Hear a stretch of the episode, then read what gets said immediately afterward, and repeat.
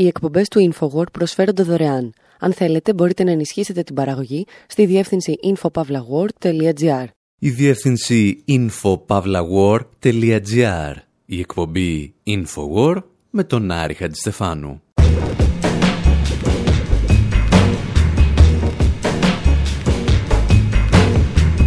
Όπου σήμερα ακούμε τραγουδάκια εύθυμα, ίσως για τον πιο αποτυχημένο θεσμό στις Ηνωμένες Πολιτείες, το περίφημο impeachment, την παραπομπή εν ενεργεία Αμερικανών Προέδρων ενώπιον της δικαιοσύνης. Ανακατεύουμε τον Νίλ Young με μια φανκ σχολική μπάντα που έπαιζε τα πάντα και τον πρόεδρο Μπούς με τον Ρίτσαρντ Νίξον. Συζητάμε για τους τρεις προέδρους που βρέθηκαν στο εδόλιο του κατηγορούμενου και τους δεκάδες άλλους που τη γλίτωσαν. Αναρωτιόμαστε γιατί πάντα οι πρόεδροι κατηγορούνται για τους λάθος λόγους και υποθέτουμε ότι εάν τα impeachment μπορούσαν να σώσουν τον κόσμο από τις Ηνωμένες Πολιτείες, θα ήταν παράνομα.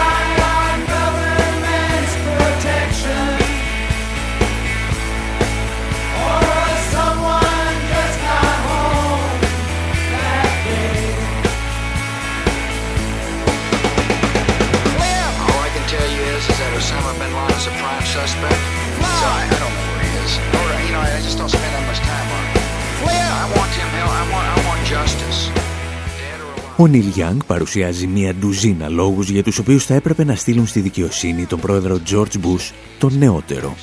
Γιατί για τον πατέρα του είχε γράψει άλλα τραγούδια, όπως το Rocking in the Free World.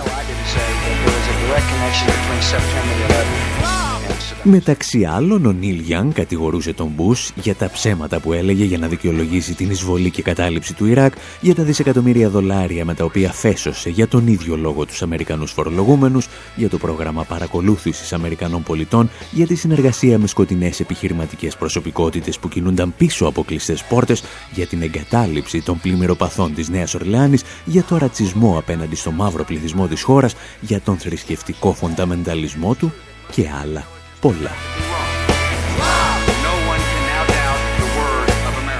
Ο Νίλ Γιάνγκ δηλαδή ουσιαστικά απαριθμεί τους λόγους για τους οποίους θα έπρεπε να έχει οδηγηθεί στη δικαιοσύνη κάθε Αμερικανός πρόεδρος. Και δεν το σκεφτόμαστε μόνο εμείς. Γιατί για κάθε Αμερικανό πρόεδρο από τη δεκαετία του 80 μέχρι σήμερα έχουν υπάρξει προτάσεις και συγκεκριμένες κινήσεις προς το λεγόμενο impeachment να οδηγηθούν δηλαδή ενώπιον της δικαιοσύνης. Το πρόβλημα με τις περισσότερες από αυτές τις προτάσεις είναι ότι συνήθως γίνονται για δευτερεύοντες λόγους και όχι για τα πραγματικά εγκλήματα πολέμου και τα εγκλήματα κατά της ανθρωπότητας που πραγματοποιούν όλοι ανεξαιρέτως οι πρόεδροι των ΗΠΑ τουλάχιστον από το τέλος του Δευτέρου Παγκοσμίου Πολέμου μέχρι σήμερα. Θα δούμε στη συνέχεια γιατί και ο Ντόναλτ Τραμπ οδηγήθηκε στη δικαιοσύνη για λάθος ή ασήμαντους λόγους. Γιατί πρώτα έχουμε πολλά τραγούδια να ακούσουμε για τη διαδικασία της παραπομπής Αμερικανών Προέδρων στη δικαιοσύνη. Θα ξεκινήσουμε με αυτούς που θα έπρεπε να έχουν οδηγηθεί στη δικαιοσύνη αφού πούμε δύο ακόμα κουβέντες για τον George Bush με τη βοήθεια αυτή τη φορά των Beastie Boys. Time to build.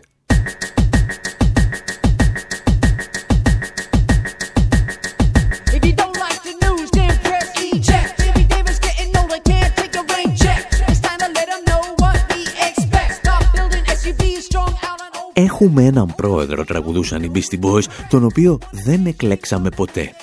Μία αναφορά δηλαδή στην αμφιλεγόμενη εκλογή του George Bush μετά την ανακαταμέτρηση της Φλόριντας στις προεδρικές εκλογές του 2000. Όπως και ο Νίλ Young, έτσι και οι Beastie Boys εντοπίζουν τους περισσότερους λόγους για να οδηγηθεί ο Bush στη δικαιοσύνη στον πόλεμο του Ιράκ. Προσθέτουν όμως στη λίστα και την καταστροφή του περιβάλλοντος. Η πρότασή τους θα εισακουστεί και αρκετοί πολιτικοί θα ξεκινήσουν τη διαδικασία που μπορεί να οδηγήσει στο impeachment. Η πρόταση μάλιστα για την δίωξη του Μπούς θα φτάσει τελικά στη Βουλή των Αντιπροσώπων από τον γερουσιαστή Ντένις Κουτσίνη, ο οποίος θα παρουσιάσει 35 σχετικές κατηγορίες. George W. Bush, in violation of his constitutional oath to faithfully execute ο Κουτσίνη τα έλεγε, αλλά η ηγεσία των Δημοκρατικών, η οποία είχε στηρίξει τον πόλεμο του Ιράκ, αποφάσισε να του τραβήξει το χαλί κάτω από τα πόδια.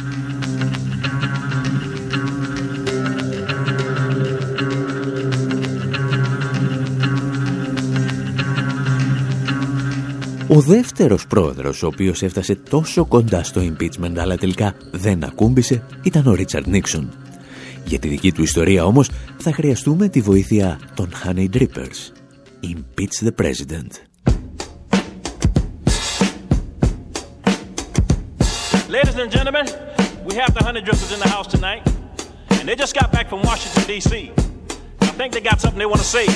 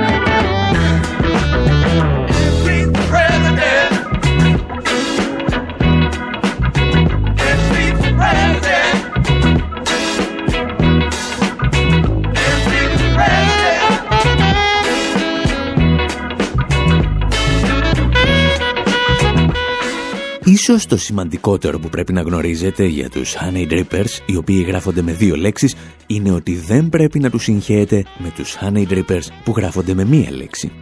Οι τελευταίοι ήταν το συγκρότημα που δημιούργησε ο Ρόμπερτ Πλάν, τον Led Zeppelin, το 1981. Οι πρώτοι, τους οποίους ακούμε, ήταν απλώς μια σχολική μπάντα. Για την ιστορία όμως, τα drums που ακούγονται στην αρχή είναι ο πιο σαμπλαρισμένος ήχος στην ιστορία της hip-hop αλλά και της R&B. Έχει χρησιμοποιηθεί δηλαδή τις περισσότερες φορές για τη δημιουργία άλλων μουσικών κομματιών. Αν δεν προσέξατε τι εννοούμε, ξεκίνησε κάπως έτσι. Ladies and gentlemen, we have the honey drippers in the house tonight, and they just got back from Washington, D.C. I think they got something they want to say. Το τραγούδι Impeach the President γράφεται το 1973 για τον πρόεδρο Ρίτσαρντ Νίξον. Πίσω από τους στίχους του Λευκού Οίκου, λέει, υπάρχουν πολλά πράγματα που δεν γνωρίζουμε. Πίσω από τους στίχους του Λευκού Οίκου, όμως, υπάρχουν πολλά πράγματα που θα έπρεπε να γνωρίζουμε. Ομολογουμένος πίσω από τους στίχους του Λευκού Οίκου ζούσε τότε μία από τις πιο σκοτεινές προσωπικότητες που έχουν περάσει από την Προεδρία των Ηνωμένων Πολιτειών. Και ενώ αυτός ο άνθρωπος ευθύνεται για το θάνατο μερικών εκατομμυρίων ανθρώπων σε όλο τον κόσμο και τη διεξαγωγή παράνομων πολέμων αλλά και πραξικοπημάτων, αποφάσισαν να του ασκήσουν δίωξη για τις παρακολουθήσεις που είχε διατάξει εναντίον των αντιπάλων του στο περίφημο σκάνδαλο του Watergate. Ο Νίξον, βλέποντας την έκβαση που έπαιρναν τα πράγματα, προτίμησε να ακολουθήσει την τακτική των πειρατών από το Αστερίξ, οι οποίοι, αν θυμάστε, βυθίζουν το πλοίο τους για να μην τους το βυθίσουν οι γαλάτες. Ενώ η διαδικασία του impeachment προχωρά, το μεσημέρι της 9ης Αυγούστου του 1974 ο Αμερικανός πρόεδρος αναγκάζεται να παραιτηθεί, όπως είχε προαναγγείλει το προηγούμενο βράδυ. I have never been a quitter. To leave office before my term is completed is abhorrent to every Δεν εγκατέλειπα ποτέ τις μάχες. Το να αποχωρήσω πριν από την ολοκλήρωση της θητείας μου έρχεται σε σύγκρουση με κάθε ένστικτο που υπάρχει στο σώμα μου αλλά ως πρόεδρος πρέπει να ενδιαφερθώ πρωτίστως για το συμφέρον της Αμερικής. Γι' αυτό θα παρετηθώ από την Προεδρία αύριο το μεσημέρι. Ο Αντιπρόεδρος Φόρντ θα ορκιστεί πρόεδρος την ίδια ώρα σε αυτό το γραφείο.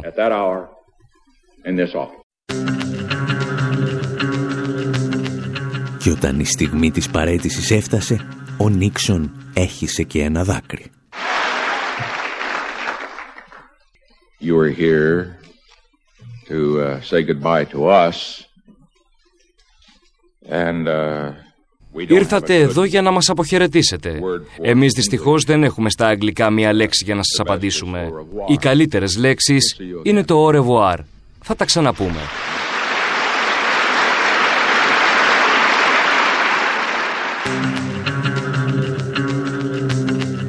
Για αυτήν ακριβώς τη στιγμή του αποχαιρετισμού και το δάκρυ του Προέδρου θα τραγουδήσει αρκετά χρόνια αργότερα ο James Taylor. Αναφέρεται συγκεκριμένα στη στιγμή που ο Πρόεδρος τοποθετεί όλους τους συνεργάτες τους στη σειρά για να τους αποχαιρετήσει, καθώς περπατά προς το ελικόπτερο που θα τον απομακρύνει από το Λευκό Οίκο. Για αυτό το λόγο το τραγούδι ονομάζεται Line em Up, δηλαδή τοποθέτησέ τους στη γραμμή ή, σε πιο ακριβή μετάφραση, γράμμισέ τους. I remember Richard Nixon back in 74 and the final scene at the White House door and the staff lined up to say goodbye. Tiny tear in shifty little. He said, Nobody knows me, nobody understands. These little people were good to me. Oh, I wanna shake some hands. Somebody up, line them all up, line them up, line them all up. Want you to line them up, line them all up. Το τραγούδι συνεχίζει όπως περίπου το ακούτε μέχρι τώρα και δεν υπάρχει πραγματικά κανένας λόγος να το ακούσουμε ολόκληρο. Ίσως μεγαλύτερο ενδιαφέρον να έχει το γεγονός ότι το τραγούδι Impeach the President με το οποίο ξεκινήσαμε να μιλάμε για τον Νίξον ενέπνευσε κάποτε τους Public Enemy. Μόνο που αυτοί είχαν στο μυαλό τους τον Ρόναλντ Ρίγκαν. Ακούστε τι λέγανε για τον πρόεδρο και επανερχόμαστε. Brothers and sisters! Brothers and sisters! I don't know what this world is coming to. Yes! The rhythm, the rebel. Without applause, I'm lowering my level. The hard rhymer, where you never been, I'm in. Again. D, the enemy, telling you to hear it. They praise the music, this time they play the lyrics. Some say no to the album, the show. Bum rush the sound. I made a year ago. I guess you know. You guess I'm just a radical. Not on sabbatical. Yes, to make it critical. The only part of your body should be partying too. Pass the power on the hour from the rebel to you. Hey, yo, Chuck, man. I don't understand this, man. Yo, you got to slow down, man. You're losing them. Radio. Suckers never play me. On the mix. They just okay me now, known and grown. When the clock in my zone is known, sneaking and taking everything now the brother owns. Hard.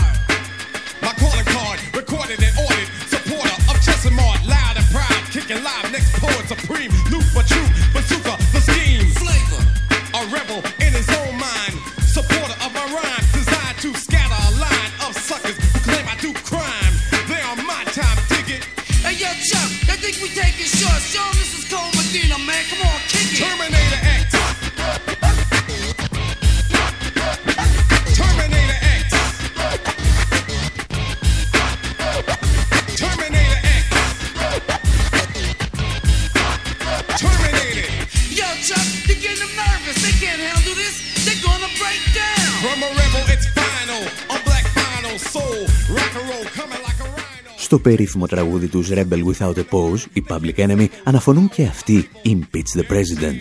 Αναφέρονται όμως στον Ronald Reagan. Για την ιστορία τον αποκαλούν Ray Gun, όπως γράφεται δηλαδή το ακτινοβόλο, ένα από τα διασημότερα όπλα που χρησιμοποιούνταν στην ταινία Star Wars. Ο Ρίγκαν είχε αποκτήσει το παρατσούκλι Reagan λόγω του αληθινού προγράμματος του πολέμου των άστρων που χρηματοδοτούσε εναντίον της Σοβιετικής Ένωσης. Επαρκείς λόγοι ώστε οι Public Enemy να ζητήσουν την παραπομπή του στη δικαιοσύνη.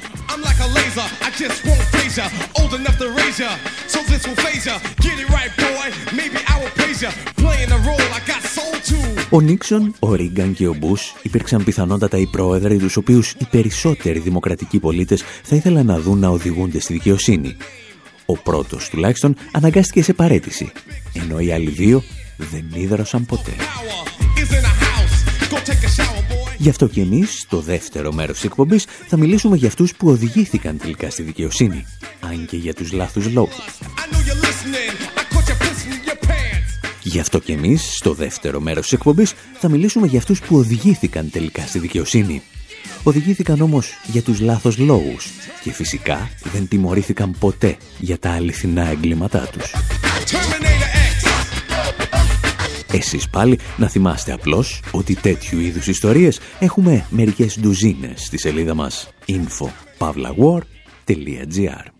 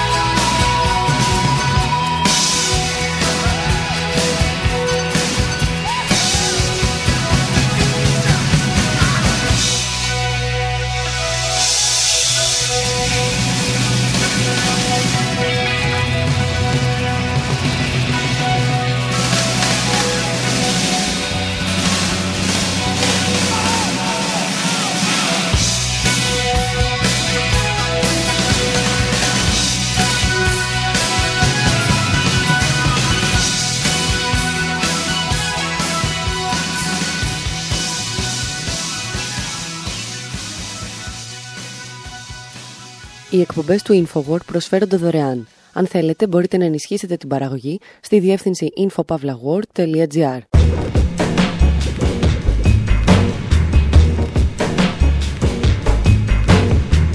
Εκπομπή InfoWord, μέρος δεύτερο όπου αφού εξετάσαμε τους προέδρους που θα θέλαμε να έχουν οδηγηθεί στη δικαιοσύνη, σκεφτόμαστε να τραγουδήσουμε μερικές σκέψεις και για αυτούς που οδηγήθηκαν τελικά στη δικαιοσύνη. Το ενδιαφέρον στοιχείο εδώ είναι ότι το αποτέλεσμα ήταν σε όλες τις περιπτώσεις το ίδιο. Δηλαδή τίποτα. Must have military solutions to the problems we face in the world. Yeah. The solutions that we need are the solutions Picking up where we left dealing off. with sickness and disease and hunger. Uh, that's fundamental. If you want to end terrorism, you have to stop being terrorists which is what war is. They told you World War II was a people's war. Logic should have told them it was imperialist war. 18 million served in the armed forces. 10 million more overseas, that's enormous. 25 million workers paid for war bonds. All of the while, people question why the war's on. There was an undercurrent of reluctance. There were underpublicized signs of resistance. Hitler's Germany was unspeakable evil. But let's discuss real quick what we did to people. We opposed the Haitian Revolution. We turned Guam, Puerto Rico, and Hawaii into institutions. Pretended to help Cuba win freedom from Spain. This country built on the blood of other people's pain. Blacks was looking at anti-Semitism in Germany and saw the situation here was mirroring it perfectly. We appeased Hitler all throughout the 30s. Only years later we pretended we was worried. Roosevelt was hesitant to be gritty and caused a resolution to be buried in committee. The main interest was never to stop fascism, but advance an imperial interest of that prism. Roosevelt didn't care about oppression of the Jews. The power was priority, I'm telling you the truth. Hitler not the reason that we entered the land. Roosevelt was mad that we got hit by Japan. Historians will tell you he provoked that shit. He told lies in attempts to sugarcoat that shit. In 45, troops were jammed onto the Queen Mary. The blacks were stowed down in the depths of the same ferry. See, there's a parallel you have to understand. That they wanted them to fight but wouldn't treat them like a man. Industrial mobilization had a few divided. The economic royalists denounced and derided. The irony of victory was heavily priced. The war ended, three million men wasn't strike. It's no peace in the world of capitalism. Nazi eugenics, economic rationalism. The lesson was that war solved problems of control, regardless if it causes any problems for the soul. The black revolt in the 50s came as a surprise. It shouldn't have after we took so many of their lives. You can't erase the memory of an oppressed people. Reparation doesn't make it any less evil. Some black folks joined the Communist Party. Richard Wright spoke of disillusionment with the party. The party was accused of exploiting black people. Angelo Herndon felt everything was equal. He was arrested, then convicted for insurrection. How the fuck it's insurrection? I call it dissension. Gave him five years when all he wanted was protection. There was other black men that made the same connection. Benjamin Davis defended Herndon as a savior. Then Paul Robeson, he only magnified the danger. Harry Truman had to deal with the militant mode. But how the fuck that gonna work when he erases soul? In 54 they said they ended segregation. Ten years later, no changes. Revolt was always minutes away about the bus. Rosa Parks refused the black section of the bus. The freedom riders were spreading across the nation and went to jail for marching and fighting discrimination. FBI stood by, Justice Department stood by, while civil rights workers were beaten, they just stood by. Three civil rights workers, two black and one white, arrested in Philadelphia. Εάν είχατε αναρωτηθεί ποτέ πώς μπορεί να χωρέσει όλη η ιστορία των Ηνωμένων Πολιτειών σε ένα τραγούδι, η απάντηση είναι έτσι. The national government remained silent. The president wouldn't defend black Ο Βίνι Πάζ, Αμερικανός με καταγωγή από τη Σικελία, μεταφέρει φράσεις, ιδέες και ατάκες του μεγάλου στοχαστή Χάουαρτ Ζιν για τη λαϊκή ιστορία των Ηνωμένων Πολιτειών. Later, he was targeted and murdered. In 65, the watch riot. Ο Πάζ ξεκινά από την εμπλοκή των Ηνωμένων Πολιτειών στο Δεύτερο Παγκόσμιο Πόλεμο, για λόγους που όπως εξηγεί δεν ήταν αντιφασιστικοί, αλλά απόλυτα υπεριαλιστικοί. Ύστερα γυρίζει πίσω στα πρώτα εγκλήματα πολέμου που διέπραξε το Αμερικανικό κράτος πριν περάσει στο εσωτερικό για να διηγηθεί τα εγκλήματα εναντίον των Αμερικανών πολιτών. Και σε κάθε στροφή μπορούμε να εντοπίσουμε δύο-τρεις επαρκείς λόγους για τους οποίους κάποιος Αμερικανός πρόεδρος θα έπρεπε να έχει οδηγηθεί στη δικαιοσύνη με τη διαδικασία του impeachment. Mostly all of them exonerated. Nixon had CIA and G. Gordon Liddy lie about the Democratic National Committee. But eventually they all flipped on him. Ο πρώτος Αμερικανός πρόεδρος ο οποίος θα διωχθεί νομικά ήταν ο Άντριου Τζόνσον, για τον οποίο και ο Χάουαρτ Ζιν είχε σούριτα εξαμάξεις. Ο Άντριου Τζόνσον θα αναλάβει την Προεδρία των Ηνωμένων Πολιτειών αμέσως μετά τη δολοφονία του Λίνκον. Και ενώ ο Κάρολος Μάρξ έγραφε ότι ο Λίνκον ήταν ένας από τους λίγους ανθρώπους που κατάφεραν να γίνουν σπουδαίοι χωρίς να πάψουν να είναι καλοί, για τον Τζόνσον υποπτευόμαστε ότι θα έλεγε το αντίθετο. Ότι ενώ δεν έγινε ποτέ ιδιαίτερα σπουδαίος πρόεδρος, παρέμενε πάντα κακός. Ο Τζόνσον ήταν δημοκρατικός και στόχος του ήταν να εντάξει τις πολιτείες του Νότου στο νέο κράτος χωρίς να τερματίσει ουσιαστικά το δουλοκτητικό καθεστώς. Και έτσι, μια ωραία πρωία, οι Ρεπουμπλικάνοι, τα συμφέροντα των οποίων ταυτίζονταν με την απελευθέρωση των σκλάβων, αποφάσισαν να προχωρήσουν στο impeachment. Η δίκη διήρκησε τρεις μήνες, αλλά τελικά ο Τζόνσον την έβγαλε καθαρή. Οι Ρεπουμπλικάνοι χρησιμοποίησαν ως επιτοπλίστο νομικιστικά επιχειρήματα. Ακόμη και έτσι όμως, αυτό ήταν το σοβαρότερο impeachment προέδρου στην Αμερικανική ιστορία. Ίσως γιατί κινήθηκε λίγο πλησιέστερα στην ουσία του προβλήματος. Εξέφρασε δηλαδή δύο τμήματα της οικονομικής ελίτ που συγκρούονταν για να καθορίσουν τη μορφή που θα είχε το νέο κράτος γιατί στη συνέχεια οι δύο άλλες διώξεις εναντίον του Κλίντον και του Τραμπ ήταν άλλα ντάλα. Θα τα συζητήσουμε όμως ύστερα από αυτό. Look, I was going to go easy on you, not to hurt your feelings. But I'm only going to get this one chance. Something's wrong. I can feel it. It's just a feeling I've got. Like something's about to happen. But I don't know what. If that means what I think it means, we're in trouble. Big trouble. And if he is as bananas as you say, I'm not taking any chances. You're just what the doc I'm beginning to feel like a rap god, rap god. All my people from the front to the back, nod, back nod. Now who thinks their arms are long enough to slap box, slap box? They said I rap like a robot, so call me rap bot. But for me to rap like a computer must be in my jeans. I got a laptop in my back pocket, my pinnacle walk when I hat cock it. Got a fat knock from that rat profit, made a living and a killing off it. Ever since Bill Clinton was still in office, with Monica Lewinsky filling on his nutsack. I'm an MC, still as honest, but as rude and as indecent as all hell. Syllables, killaholic. Kill 'em all. This libbity, gibbity, hibbity, hip hop. You don't really want to get into a piss and match with this rappity rap hack and a mac in the back of the yak backpack rap rap yap yap yap kitty yak nap. The exact same time I attempt these lyrical acrobat stunts while I'm practicing that, I'll still be able to break a motherfucking table over the back of a couple of faggots and crack it in half. Only realized it was ironic. I was under aftermath after the fact. How could I not blow? All I do is drop F bombs. Feel my wrath of attack rappers are having a rough time period. Here's a maxi pad. It's actually disastrously bad for the whack while the masterfully constructing this masterpiece. Cause I'm beginning to feel like a rap god, rap god. All my people from the front to the back, nod, back nod. Now who thinks their arms are long enough to slap box, slap box? Let me show you maintaining this shit ain't that hard, that. Everybody want the key and the secret to rap immortality like I have got. Will there be truth for the blueprints? Simply rage and youthful exuberance. Everybody loves to root for a nuisance. Hit the earth like an asteroid, need nothing but shoot for the moon since. MCs get taken to school with this music Cause I use it as a vehicle to bust the rhyme. Now I lead a new school full of students. Me, I'm a product of Rock Him Lock Him, Shabazz, Tupac, W-A-Q, hey Doc, Yella Easy, thank you. They got slim, inspired enough to one take, grow up, blow up And be in a position to meet Run DMC And induct them into the motherfucking Rockin' Roll Hall of Fame Even though I walk in the church in person of all of flames Only Hall of Fame I'll be inducted in is the Alcohol of Fame on the wall of Shame. You fags think it's all a game Till I walk a flock of flames off a planking. Tell me what in the fuck are you thinking? Little gay looking boy, so gay I can barely say it with a straight face looking boy. You're witnessing a massacre like you're watching a church gathering take place looking boy.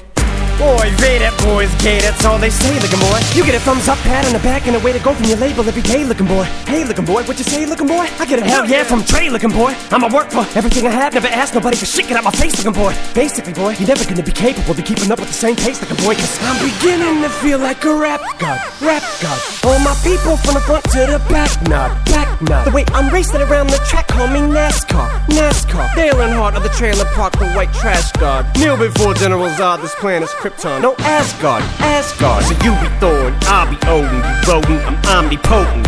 Let off, then I'm reloading. Immediately with these bombs I'm toting. And I should not be woken. I'm the walking dead, but I'm just a talking head, a zombie floating. But I got your mom deep throating. I'm out my ramen noodle. We have nothing in common, poodle. I'm a Doberman. Pinch yourself in the arm and pay homage, pupil. It's me. My honesty's brutal, but it's honestly futile if I don't utilize what I do, though, for good at least once in a while. So I wanna make sure somewhere in the chicken scratch I scribble and doodle enough rhymes to maybe try to help get some people through tough times. But I gotta keep a few punchlines just in case, cause even you unsigned rappers are hungry, looking at me like it's lunchtime. I know there was a time where once I was king of the underground, but I still rap like I'm on my Pharaoh munch grind. So I crunch rhymes, but sometimes when you combine up here with the skin color of mine, you get too big and here it comes trying to censor you like that one line I said. on no, back from the Mathers LP1 when I tried to sell. Take seven kids from Columbine, put them all in a line at an AK-47, a revolver, and a nine. See if I get away with it now that I ain't as big as I was, but I'm morphing into an immortal coming through the portal. You're stuck in a time warp from 2004, and I don't know what the fuck that you mind for. You're pointless as Rapunzel with fucking cornrows. You like normal, fuck being normal.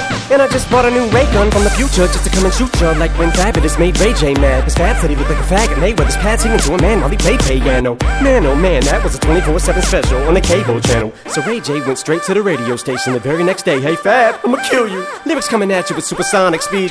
Ah, summer, lama, duma, lama, you assuming I'm a human. What I gotta do to get it through to you? I'm superhuman, innovative, and I made a rubber so that anything you say is ricocheting off of me and it'll glue to you and devastating more than ever demonstrating how to give a motherfucking audience a feeling like it's levitating, never fading. And I know the haters are forever waiting for the day that they can say I fell off to be celebrating. Cause I know the way to get them motivated. I make elevating music, you make elevator music. Oh, he's too mainstream. Well, that's what they do when they get jealous, they confuse it. It's not hip hop, it's pop. Cause I found a hella way to fuse it with rock, shock rap, with dot. Don't lose yourself, I make them lose it. I don't know how to make songs like that. I don't know what words to use. Let me know when it occurs to you while I'm ripping any one of these verses. The verses you, it's curtains, I'm inadvertently hurting you. How many verses I gotta murder to prove that if you were half as nice as songs, you could sacrifice virgins to? Uh, school flunky, pill junkie. But look at the accolades, these skills brung me. Full of myself, but still hungry. I bully myself cause I make me do what I put my mind to when I'm a million leagues above you. Ill when I speak in tongues, but it's still tongue in cheek. Fuck you, I'm drunk. So Satan, take the fucking wheel. I'm asleep in the front seat, pumping heavy D in the voice. Still chunky but funky.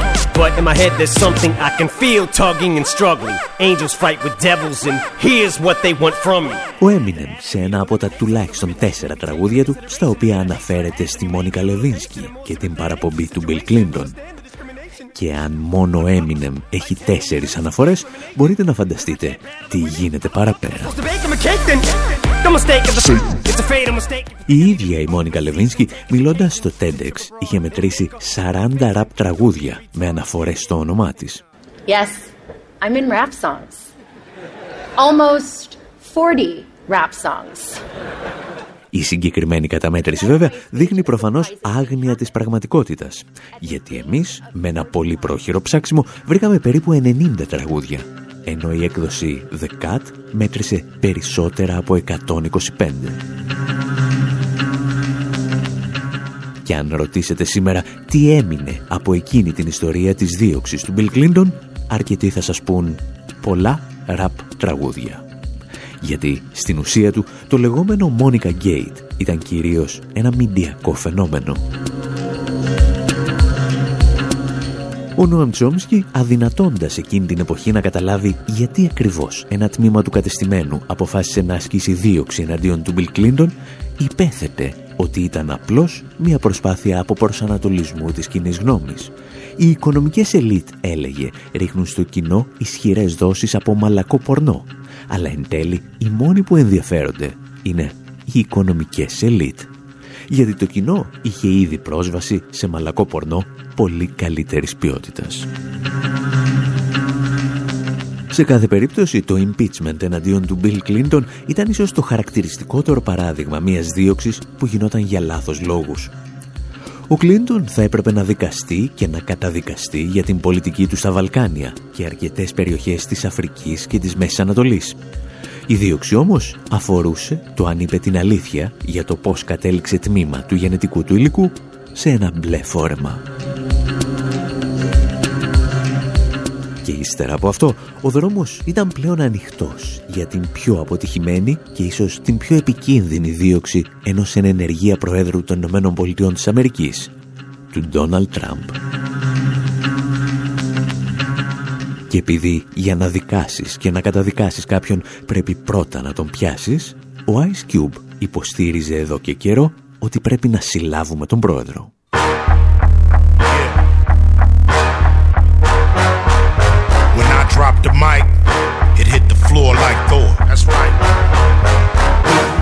Pick it up no more.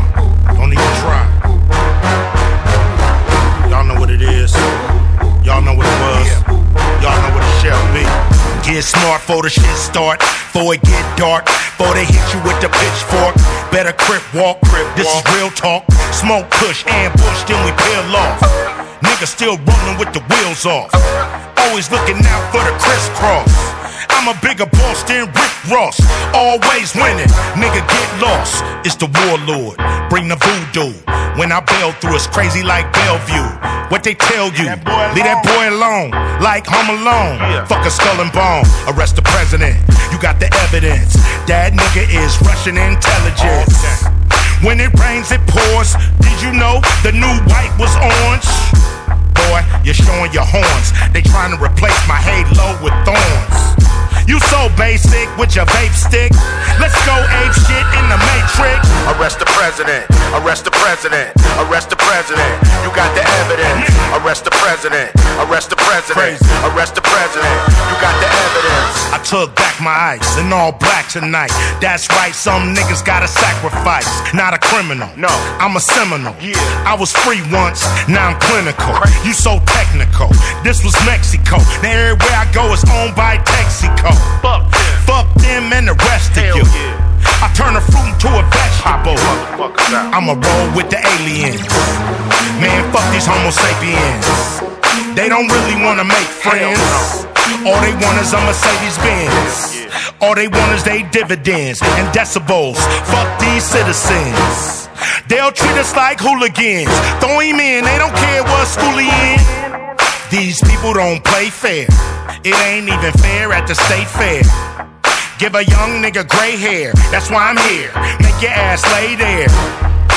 Punk, you better stay there. Close your fucking eyes like it's daycare. Make myself clearer than Shakespeare. I'm here to take money, even fake hair. So desperate is what I'm left with. For the record, you affected. Who you elected is so septic, so full of shit. I can't accept it. Arrest the president. Arrest the president. Arrest the president. You got the evidence. Arrest the president. Arrest the president. Arrest the president. You got the evidence. Arrest the president. Arrest the president. Arrest the president. You got the evidence. Arrest the president. Arrest the president. Ο Ice Cube λοιπόν υποστήριζε με έμφαση ότι υπάρχουν πλέον επαρκή στοιχεία για να συλληφθεί ο πρόεδρος των Ηνωμένων Πολιτειών, Donald Trump. Nigga so fly, get a bird's eye. Αν προσέξατε όμως σε όλο το τραγούδι, το μόνο στοιχείο που παρουσιάζεται είναι ότι ο Αμερικανός πρόεδρος είναι πράκτορας της Ρωσίας του Πούτιν. Το τραγούδι δηλαδή θα μπορούσε να το είχε γράψει και η Χίλαρη Κλίντον ή ο ηγετικός πυρήνας του Δημοκρατικού Κόμματος. Niggas love to go that fast route. Μιλώντας πριν από μερικές εβδομάδες στο Real News Network, ο Αμερικανός συγγραφέας David Swanson προέβλεπε ότι η διαδικασία εναντίον του Τραμπ θα αποτύχει. Το μόνο που θα καταφέρουν οι δημοκρατικοί, έλεγε, θα είναι να εντείνουν την αντιρωσική ιστερία στην Ουάσιγκτον και να ενισχύσουν τις βιομηχανίες όπλων. I, I think it moves the, the U.S. public toward an ever more militant, anti-Russian, pro-weapons dealing. Νομίζω ότι μετακινεί την κοινή γνώμη των ΗΠΑ προς μια εξωτερική πολιτική ακόμη πιο μαχητικά αντιρωσική και υπέρ των εμποριόπλων. Ο σκοπός είναι να κατηγορηθεί η Ρωσία, να πληγεί η εικόνα του Τραμπ και να ωρεοποιηθεί αυτή του Biden. Νομίζω ότι αφήνει τα πράγματα περίπου εκεί που ήταν. Είναι σχεδόν βέβαιο ότι δεν θα υπάρξει καταδίκη εκτός και αν επεκτείνουν τη δίωξη για να συμπεριλάβει πιο πιστικές κατηγορίες. To include more persuasive uh, charges. Μιλώντας για την αντιρωσική πολιτική και το εμπόριο όπλων, ο David Swanson μας θύμιζε ουσιαστικά κάτι πολύ απλό. Ότι ο λόγος για τον οποίο ουσιαστικά οι δημοκρατικοί έσερναν τον Τραμπ στη δικαιοσύνη είναι ότι δεν έδωσε στην Ουκρανία αρκετά χρήματα για να τα χρησιμοποιήσει εναντίον της Ρωσίας. Και το έκανε με τρόπο που ενίσχυε τα μικροπολιτικά του παιχνίδια στο εσωτερικό των Ηνωμένων Πολιτειών. Πριν από τον Τραμπ όμως και ο Ομπάμα είχε προσπαθήσει να περιορίσει την οικονομική βοήθεια προς την Ουκρανία. Οι δημοκρατικοί δηλαδή κατηγόρησαν τον πρόεδρο γιατί συνέχιζε τη δική τους πολιτική. Και αυτή η ταύτιση απόψεων βρίσκεται στην ουσία του προβλήματος. Γιατί όπως εξηγούσε και ο δημοσιογράφος Άρον Ματέ, αν οι δημοκρατικοί ήθελαν να καταδικάσουν τον Τραμπ για πραγματικά εγκλήματα, θα έπρεπε ταυτόχρονα να οδηγήσουν στο εδόλιο και τους εαυτούς τους. Do I personally think that Trump has committed impeachable offenses? Yes. Uh, you know, ramping up U.S. support for the Saudi uh, mass murder in Yemen, uh, αν πιστεύω προσωπικά ότι ο Τραμπ έχει διαπράξει διώξιμα αδικήματα, ναι. Το έκανε ενισχύοντας την Αμερικανική στήριξη για τις Σαουδαραβικές μαζικές δολοφονίες στην Ιεμένη. Το κάνει με τις δολοφονικές του κυρώσεις κατά της Βενεζουέλας και του Ιράν που έχουν σκοτώσει αθώους πολίτες και τους έχουν στερήσει το φαγητό και τα φάρμακα. Το έκανε με την απάνθρωπη μεταχείριση των μεταναστών χωρίς χαρτιά. Την απαγόρευση εισόδου σε πολίτες μουσουλμανικών χωρών. Σίγουρα λοιπόν έχει διαπράξει διώξιμα δικήματα. Οι δημοκρατικοί όμως δεν μπορούν να προχωρήσουν μια δίωξη για αυτά τα θέματα γιατί είναι συνένοχοι σε πολλές από αυτές τις πολιτικές. Και γι' αυτό δεν τους βλέπουμε να επιδιώκουν μια δίωξη για αυτές.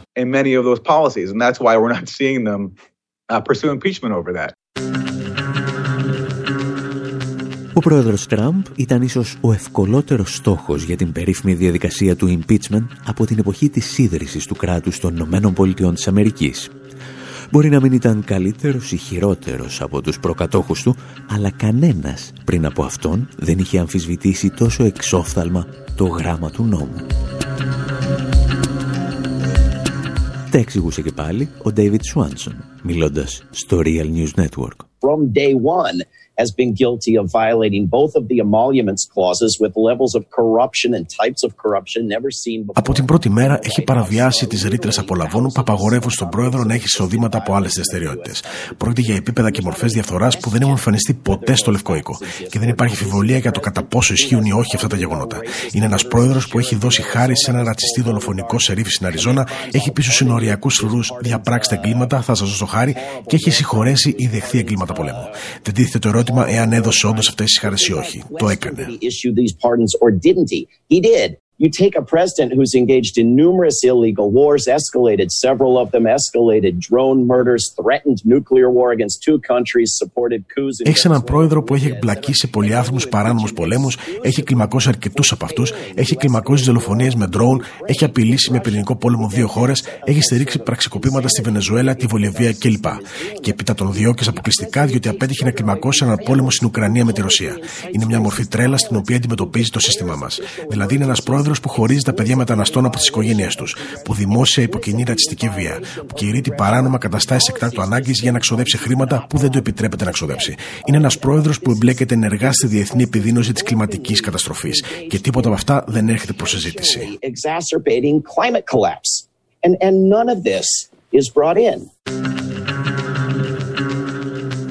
Παραπέμποντας λοιπόν τον Ντόναλτ Τραμπ στη δικαιοσύνη, οι δημοκρατικοί ίσως και να του χάρισαν άλλη μια θητεία στην Προεδρία των Ηνωμένων Πολιτειών. Το βέβαιο είναι ότι απέδειξαν πως σε ζητήματα ουσίας δεν διαφέρουν σε τίποτα από αυτόν.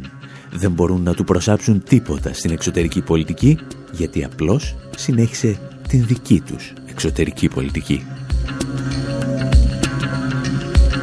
Θα μπορούσαν βέβαια να ακολουθήσουν το λεγόμενο μοντέλο του Αλκαπόνε, όταν δεν μπορείς να συλλάβεις κάποιον για τα πραγματικά του εγκλήματα, τον συλλαμβάνεις για κάποια λογιστική απάτη.